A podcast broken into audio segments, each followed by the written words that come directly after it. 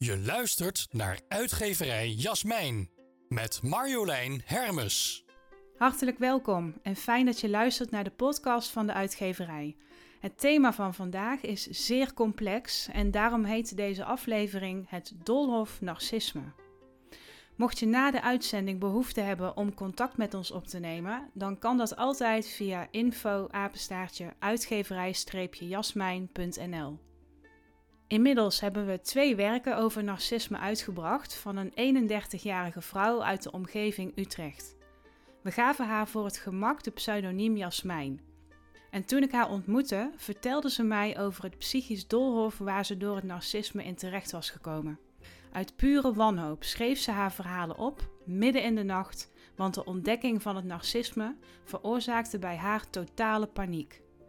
Haar bundels Narcisme is a Bitch en Narcisme ABC zijn als e-book te verkrijgen via onze webshop.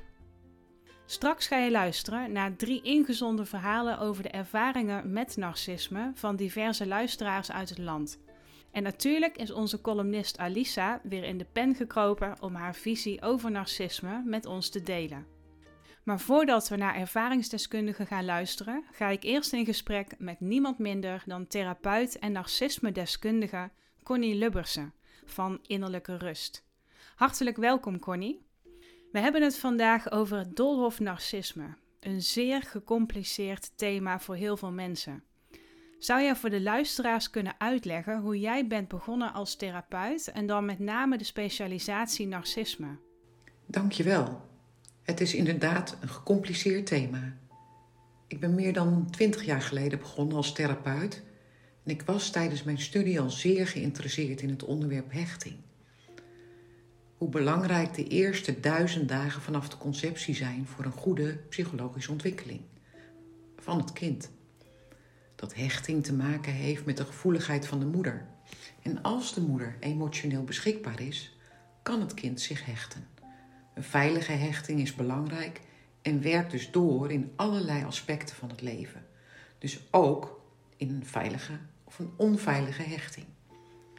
Hechten is dus cruciaal en het is ook een cruciaal spel, waarin veel mis kan gaan met alle gevolgen van dien op latere leeftijd, in het bijvoorbeeld aangaan van relaties.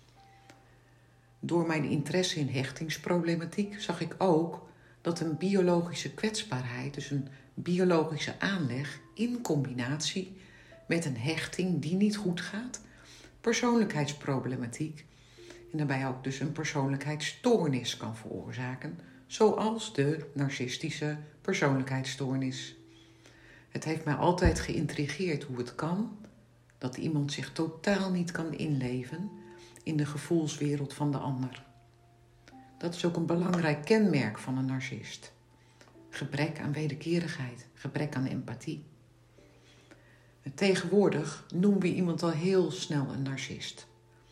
Maar je hebt narcistisch en narcisme. Aan het ene uiteinde zit iemand die narcistisch is.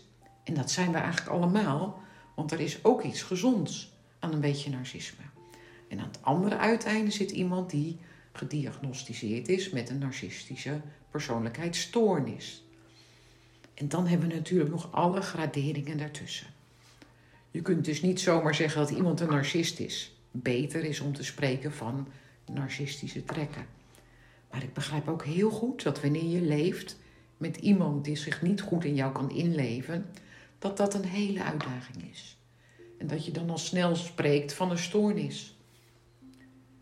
Eh, leven met iemand met echt een narcistische persoonlijkheidsstoornis is echt niet te doen.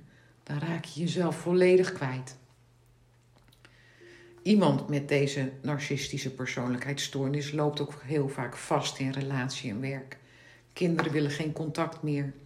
En de narcist zegt zelf: Ik raak alles kwijt, maar ik heb geen idee waarom dat is.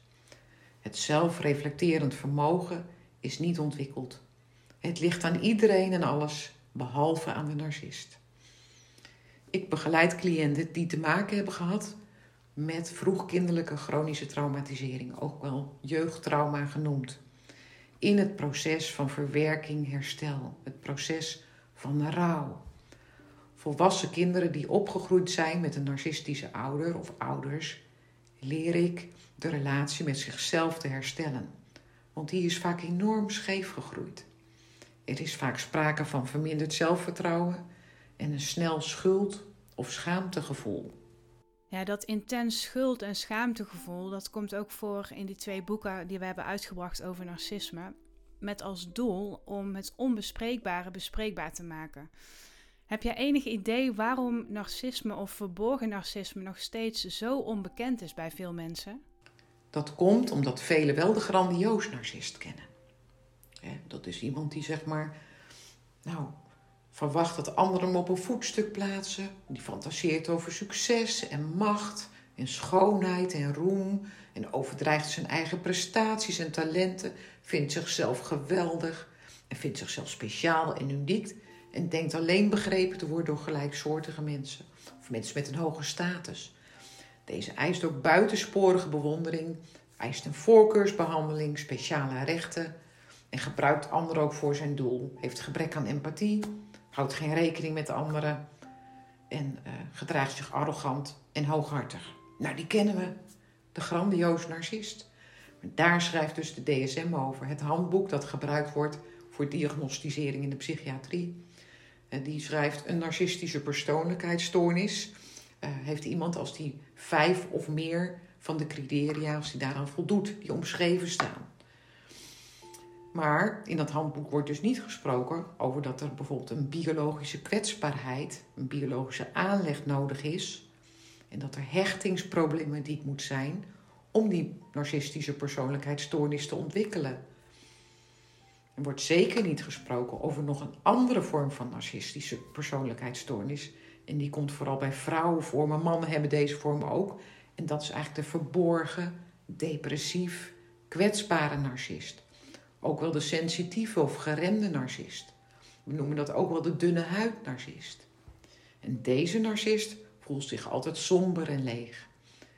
Is ook altijd slachtoffer van zijn bestaan. Deze narcist heeft niet of nauwelijks symbiotische bevrediging gehad. Die moest het al heel jong zelf uitzoeken. Nou, dus beide soorten, dus de angstig en de depressief. De angstig is de grandioos, de depressief is de kwetsbare narcist. Hebben beide dezelfde biologische kwetsbaarheid, biologische aanleg. In combinatie met dus een leergeschiedenis waarin het niet goed is gegaan met de hechting. Een, stabiele instabiele basis ontwikkeld. En uh, de een blaast zich dus op, de ander is slachtoffer. Ze hebben allebei gebrek aan wederkerigheid, aan empathie. En wanneer je kritiek levert, dan stoten ze je af. En stel dat mensen nu luisteren en die gaan denken over hun eigen omgeving. Wat zijn dan de opvallendste kenmerken van narcistisch gedrag? De opvallendste kenmerken van narcistisch gedrag zijn toch wel, ja, diegene of heel interessant doet, alleen met zichzelf bezig is, of over zichzelf aan het vertellen. En zodra jij iets vertelt, dat je heel snel merkt dat het weer over die ander gaat. Of juist heel erg het slachtoffer zijn, jou voor het karretje spannen, dingen laat doen waarvan je achteraf denkt: hoe heeft dat kunnen gebeuren? En je merkt het bijvoorbeeld bij jezelf ook, dat je vaak met tegenzin naar diegene toe gaat. Dat je een beetje bang voor diegene misschien ook bent. Je niet op je gemak voelt. En ook soms al een interne dialoog voert over wat er zou kunnen gaan gebeuren. Zodat je voorbereid bent, omdat je weet dat er altijd iets onverwachts is. Altijd wel weer een steekje onder water, een kleinerende opmerking. Dus je wilt eigenlijk altijd voorbereid zijn op zo'n aanval. Want het is nooit goed, nooit goed genoeg. Er is altijd kritiek op jou. En jij voelt je niet belangrijk. En je hebt altijd het idee dat je het niet goed doet. Je voelt je niet op je gemak. Misschien voel je ook wel spanning. Er is geen interesse in jou. Of heel even maar. Je wordt vergeleken met anderen. En vooral bijvoorbeeld met je broer of zus. Er wordt over jou geroddeld. Dat weet je. Dat voel je. Want dat doet die narcist vaak ook met jou als een ander weer weggaat. En een narcist is jaloers op jou. Nou, ik kan nog wel even doorgaan. Als je als kind met een narcist te maken hebt gehad, ben je vaak heel gevoelig. juist empathisch? Voel je precies wat de ander nodig heeft? En voel je situaties ook precies aan? Ben je gevoelig voor autoriteit? Dan weet je ook vaak niet goed wat je zelf wil, want de ander is altijd belangrijker. Kun je heel goed voor anderen zorgen en voor jezelf niet zo goed. En soms heb je ook eetproblemen of andere verslavingen, omdat je ja, een narcistische ouder hebt gehad. Of uitzicht dat in relatieproblemen of problemen op je werk. Dit zijn uh, woorden die raken, Connie, en uh, juist omdat het zo herkenbaar is. Zou je kunnen uitleggen wat voor effect narcisme kan hebben op iemand en wat zo'n herstelproces nou echt inhoudt? Je kunt als kind geboren worden in een gezin waarin één of beide ouders een persoonlijkheidsstoornis zoals narcisme heeft. Dat is voor een kind enorm zwaar. Ook al weet het niet beter, het voelt toch altijd dat het niet belangrijk is, dat het niet goed is en niet goed genoeg is. Dat er altijd kritiek is en dat het heel hard moet werken om de liefde van de ouders te krijgen. En daardoor dus ook heel goed wordt in het zorgen voor anderen en daarbij zichzelf niet belangrijk vindt. Het gevolg is dat diegene niet goed weet wie die is, waar die gelukkig van wordt. Om nog maar niet te spreken over de enorme criticus die wordt gevormd in het kind, dat later als volwassene vastloopt in relatie en werk. Als kind heb je veiligheid, emotionele voeding en validering, ook wel erkenning nodig. De drie V's. En die krijg je als het goed is van je ouders. Zij zeggen je hoe goed je bent, dat je oké bent, dat je mag zijn, dat je belangrijk bent, dat je mooi bent, dat je slim bent, dat je veilig bent. Omdat je ouders betrouwbaar zijn en liefdevol over je praten. En liefdevol tegen je praten. Jouw erkenning geven over wat je voelt, dat je gevoelens er mogen zijn, dat je boos mag worden, dat je mag huilen, dat je ook lekker stout mag zijn en dat je lief bent en dat ze van je houden. Een kind krijgt dat alles van een narcistische ouder niet te horen.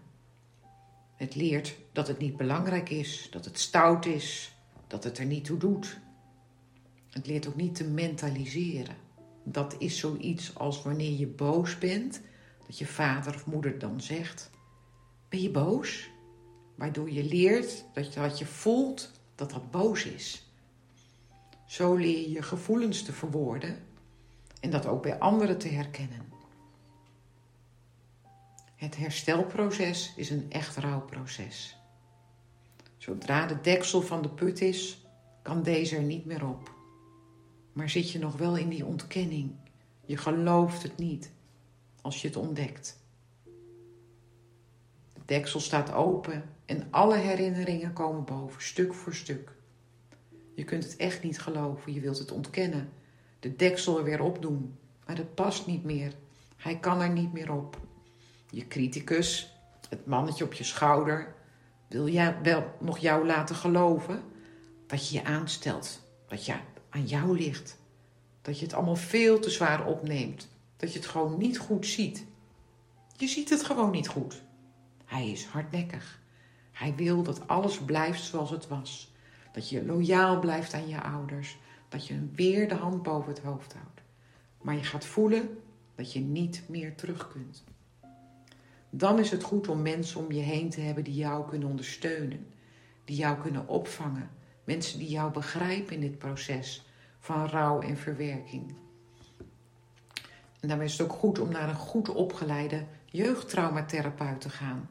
Die weet wat herstellen van narcistisch misbruik inhoudt en wat er voor nodig is. Dit soort zware processen vraagt wel om deskundige begeleiding. Praten over het gebeuren is goed, maar niet voldoende. Er is ook ja, een soort lichaamsgerichte traumaverwerking nodig. Want je lichaam is je grootste geheugen. Alle herinneringen hebben ook een fysieke herinnering. Ik adviseer altijd wanneer de deksel van de put gaat om alles wat boven komt op te schrijven. Dat kan in woorden of in tekeningen. En daarna te voelen wat er boven komt. Is het verdriet? Laat de tranen maar komen. Voel maar wat er gebeurt. Is het boosheid? Laat die boosheid maar boven komen. En zeg maar waar je boos over bent. En laat je lichaam ook meebewegen in het hele. Gaat je been trillen? Wil je slaan? Laat maar komen. Wil je schoppen? Perfect. Bij elke herinnering spreek je uit wat je nodig had op dat moment. Hardop. Alsof die persoon er gewoon is. Ik had het nodig dat jij er voor mij was.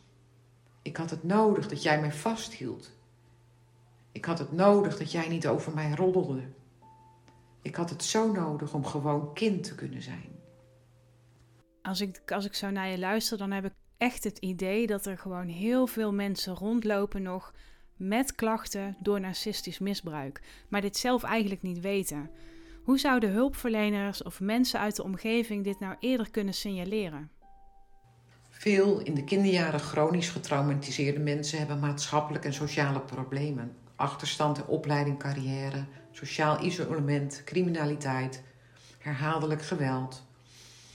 Maar ook zijn er aantoonbare verbanden met somatische problemen, cardiovasculaire problemen, diabetes mellitus, longziekte, gynaecologische problemen, bewegingsstoornissen. Met de juiste hulpverlening kan het jeugdtrauma worden verwerkt. Daarbij is het eerst nodig dat hulpverleners het narcistisch misbruik gaan leren herkennen. Een voorbeeld is een cliënt die geen zelfrespect heeft ontwikkeld en zelfvernietigend gedrag vertoont. Dat zelfrespect, dat wordt in de fase van de hechting ontwikkeld. Dus je kunt wel voorstellen, als iemand komt die geen zelfrespect heeft en zichzelf vernietigt, dat er in die hechting gewoon iets misgegaan is. Alcohol, drugs, eetproblemen enzovoort. Allemaal zelfvernietigend gedrag. Dat is niets anders dan de herhaling van het vernietigende gedrag van een narcistische ouder die het volwassen kind nu op zichzelf richt. De dader van binnen. En zo eigenlijk de ouder de hand boven het hoofd houdt door niet te voelen, maar zichzelf eerder te vernietigen. De cliënt mag leren voelen wat het met hem of haar heeft gedaan. En dat is heel heftig. Dus dat mag beetje bij beetje gebeuren. Dan moet je dus als professional wel weten hoe je dat doet. Want de hulpverlener die voorbij gaat aan het innerlijke kind en het trauma, doet hetzelfde als de ouder vroeger. Maar het te lang bij stilstaan is ook niet goed. Je moet dus heel goed aan kunnen voelen wat nodig is en steeds checken bij je cliënt. Je moet kunnen meevoelen met het innerlijke kind in de volwassen cliënt en weten wat het ervaart wanneer het beschaamd, gekrenkt en vernederd werd. Dat betekent namelijk dat je als hulpverlener plotseling het leed van je eigen kindertijd ontmoet. En dat is, dat is iets dat veel hulpverleners niet kunnen. Dat is te heftig. Slechts weinigen hebben dit in rouw kunnen ervaren. Ik heb zelf een dergelijk rouwproces meegemaakt.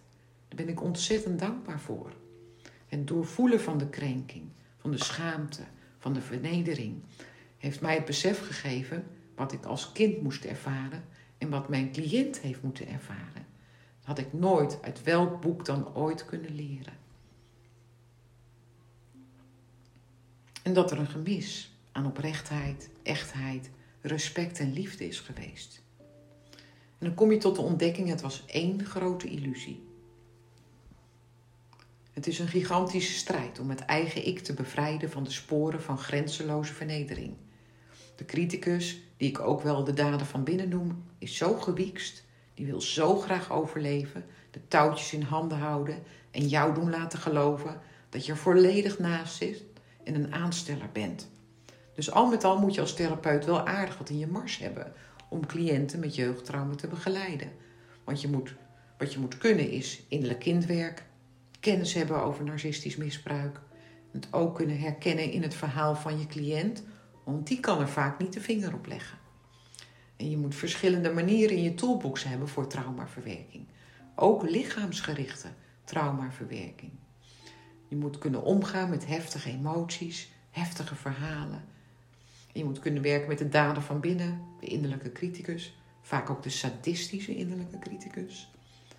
Dat heeft ook weer vaak te maken met anorexia, eetproblemen. moet stevig in je schoenen staan, want cliënten met jeugdtrauma zien in jou vaak ook een dader. Daar moet je mee kunnen werken, zonder te hertraumatiseren. En vooral je eigen jeugd hebben doorvoeld en verwerkt. En uit je eigen illusie zijn gestapt. Dat het echt een zeer complex doolhof is, is nu nog duidelijker geworden. Ik kan me voorstellen dat er mensen zijn die graag meer informatie zouden willen over narcisme of de therapieën die je aanbiedt. Waar kunnen zij dan terecht? Als je informatie zoekt over narcisme of de therapie die ik aanbied, dan zou je kunnen kijken op uh, jeugdtraumatherapeuten.nl. Dat zijn allemaal therapeuten die bij mij een opleiding hebben gevolgd um, en die dus gespecialiseerd zijn in jeugdtrauma en narcistisch misbruik.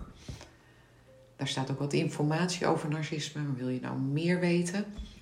Dan kun je ook kijken op mijn eigen website innerlijke-rust.nl. Er staat informatie over narcistische moeder, narcistische vader, narcistisch, narcistische partner en de kenmerken. Ook informatie over wat is nou eigenlijk een liefdevolle moeder. Kijk er maar eens op.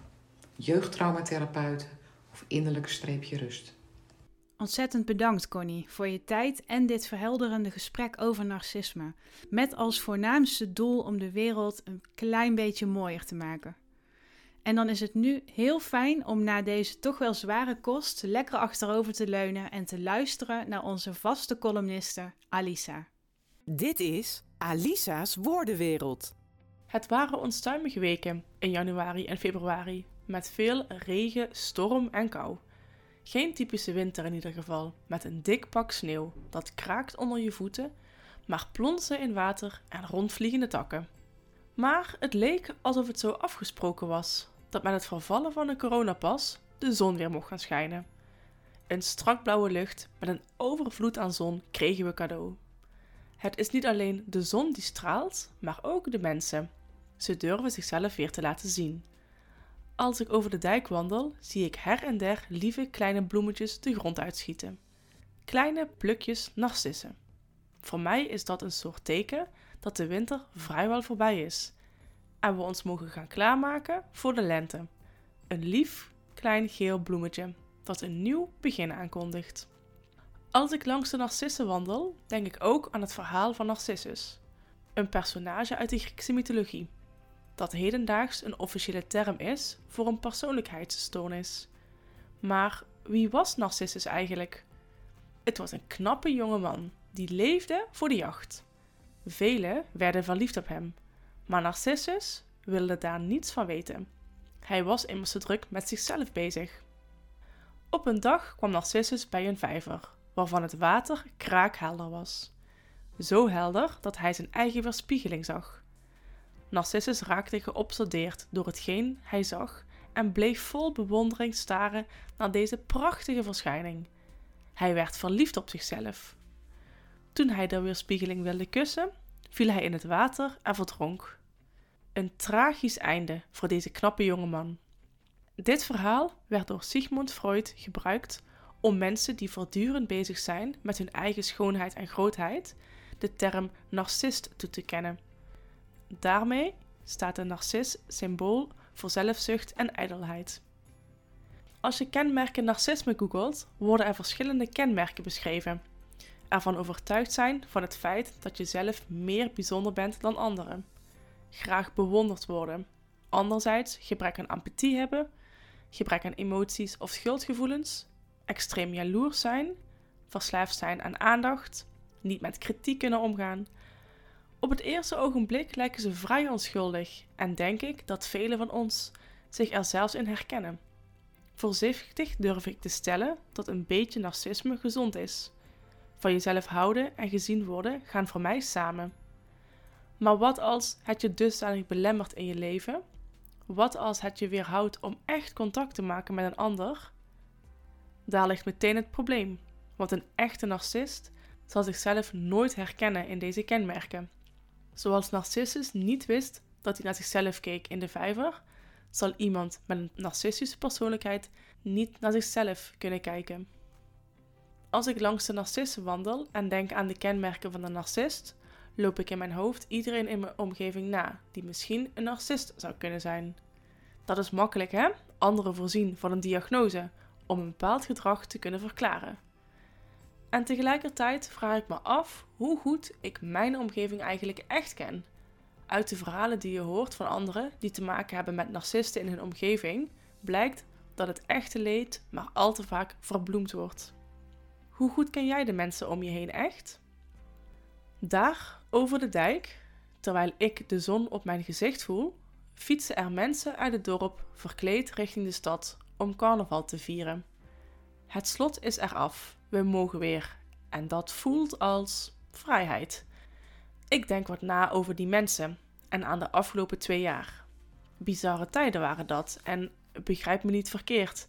We hebben het behoorlijk goed in Nederland. Maar de afgelopen twee jaren ben ik in gaan zien dat we uiteindelijk braaf doen wat ons gevraagd wordt. Terwijl we niet weten of het daadwerkelijk goed voor ons was. Het is misschien raar, maar ik stel mezelf de vraag: is onze overheid narcistisch? Gespeeld charmant zijn om het volk mee te krijgen? Gebrek aan empathie toen we geen contact met elkaar mochten hebben? Gebrek aan emoties toen de eerste bedrijven omvielen? Macht willen hebben over het volk door een coronapas in te voeren? Gebrek aan schuldgevoelens toen bleek dat de zoveelste lockdown werd ingezet? Van zichzelf overtuigd zijn dat ze het goed doen, terwijl de verdeeldheid tussen het volk steeds groter werd? Ik stel mezelf de vraag of de overheid narcistisch is, maar daarop durf ik geen antwoord te geven. Ik kom er nooit achter. Want een narcist zal geen hulp gaan zoeken voor zichzelf. Moeilijk te bevatten. Zo snel als die kleine plukjes narcissen uit de grond schieten, zo snel zal ik wegduiken, mocht er ooit een narcist in mijn leven komen. Durf jij jezelf aan te kijken in de weerspiegeling? Of verdrink jij liever in je eigen schoonheid? Je luistert naar uitgeverij Jasmijn. Nu we het doolhof narcisme een klein beetje hebben ontrafeld, laten we een aantal ervaringsdeskundigen aan het woord. Het zijn allemaal mensen die ieder op hun eigen manier kennis hebben opgedaan over narcisme in het dagelijks leven. Opgroeien met een narcistische ouder is geen kattenpis. Je loopt als kind continu op eieren, bent altijd waakzaam en moet continu laveren tussen de risico's en de baten van je eigen gedrag. Wat je zelf wilt of nodig hebt, is ondergeschikt aan de behoeften van de narcistische ouder. Vaak ken je jezelf helemaal niet. Elk moment kan er gevaar dreigen, in de vorm van narcistische woede of juist de stiltebehandeling. Er is geen ruimte voor zelfontwikkeling. Je bent continu aan het overleven. De gevolgen van opgroeien in zo'n mijnenveld van psychische en soms ook lichamelijke mishandeling zijn behoorlijk. Zo is de ontwikkeling van PTSS of complex trauma geen uitzondering. Ook ontstaat er een diepgaande angst om mensen te vertrouwen, kun je veel moeite hebben met het reguleren van emoties, ervaar je gevoelens van toxische eenzaamheid en schaamte om wie je bent en is er een groot gebrek aan hoop en vertrouwen, zowel op jezelf als op het leven en de mensen om je heen. Je groeit op in een leven dat je ervaart als normaal, maar wat verre van normaal is. En voor je daarachter bent en ziet wat er werkelijk met je gebeurd is, ben je al vele jaren en vaak toxische relaties verder. En zie dan die basisimprint nog maar eens kwijt te raken. En het gevoel dat je het niet waard bent om van te houden, te ontkrachten. Narcisme is gruwelijk en zo ontzettend schadelijk, daarbij is het ook nog eens transgenerationeel. Als kind van een narcist is de kans groot dat je zelf ook een narcist wordt, of juist het tegenovergestelde, een pleaser. Ik vind het hoog tijd dat er meer bekendheid komt hierover, zodat er werkelijk een verschil kan worden gemaakt. Want narcisme is een groot probleem in onze huidige samenleving. Je luistert naar uitgeverij Jasmijn. Mijn leven met een narcist. Ik was 13 toen ik verkering met hem kreeg en 21 toen ik met hem trouwde. Ik wist dus eigenlijk niks van relaties en was zijn trouwe, volgzame vrouw. Hij bepaalde alles. Kinderen wilde hij eerst helemaal niet en ik paste me aan aan hem.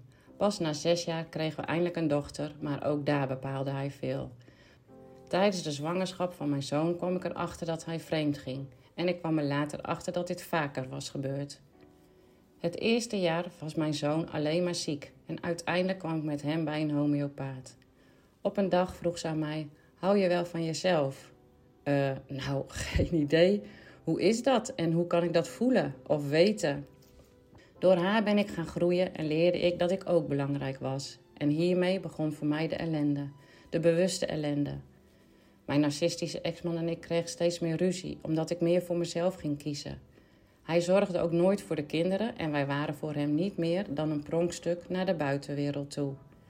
Ik wilde, twee jaar nadat mijn zoon geboren was, van hem scheiden. Hij wilde dat niet en we gingen in therapie. Daar verzon hij mooie verhaaltjes en loog en verdraaide de boel met een ijzeren gezicht. Ik werd verliefd op een ander en zette de scheiding door. Niemand wist in die tijd van zijn vreemdgaan. Ik werd door hem en zijn ouders afgeschilderd als de slechte moeder die haar gezin verliet voor een ander. Hij bleef mij beschuldigen van van alles en ik deed vaak precies wat hij wilde. Na de scheiding kreeg ik een paar campingpannetjes mee, een tafel met vier stoelen, mijn kleding en die van de kinderen. Ik verbleef die anderhalf jaar met de kinderen op een zoldertje en hij bleef achter in het twee onder één kaphuis. Als hij geen zin had om een weekend voor de kinderen te zorgen, moest ik maar laten zien dat ik een goede moeder was. De kinderen wilden op een gegeven moment niet meer naar hun vader en dat was natuurlijk allemaal mijn schuld, terwijl ik ze juist probeerde te stimuleren om wel te gaan.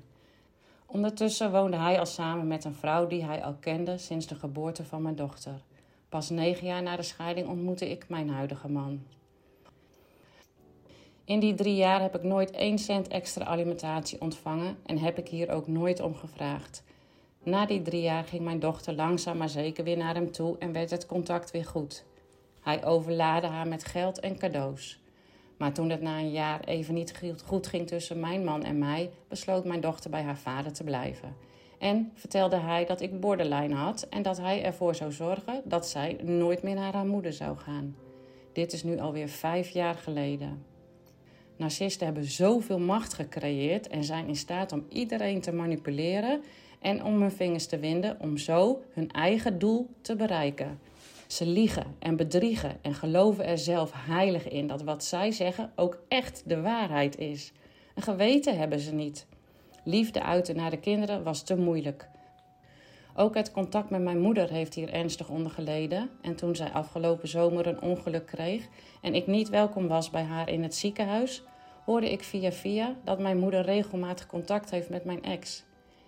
Vanaf dat moment wist ik dat hij mijn moeder en mijn broertje ook in zijn macht heeft. En zo zal hij door blijven gaan zolang hij leeft. Gelukkig kan ik door veel hulp en veel lieve mensen om mij heen rechtop blijven staan. Dit geeft, ondanks het intense verdriet om mijn dochter, weer een luchtpunt van hoop en kracht. Je luistert naar uitgeverij Jasmijn. Mijn kennismaking met een narcistische relatie begon veelbelovend. We hadden afgesproken met elkaar. Ik kwam binnen en hij bewonderde me van top tot teen. Het was helemaal geweldig. Ik werd helemaal opgehemeld. Um, ik ben in die val getrapt. En het was niet veel later dat er uh, eigenlijk niks meer goed was uh, aan mij. Uh, we gingen eens weg van huis. moesten de stad in, ergens wat gaan drinken met vrienden. Thuis hadden we ruzie gehad.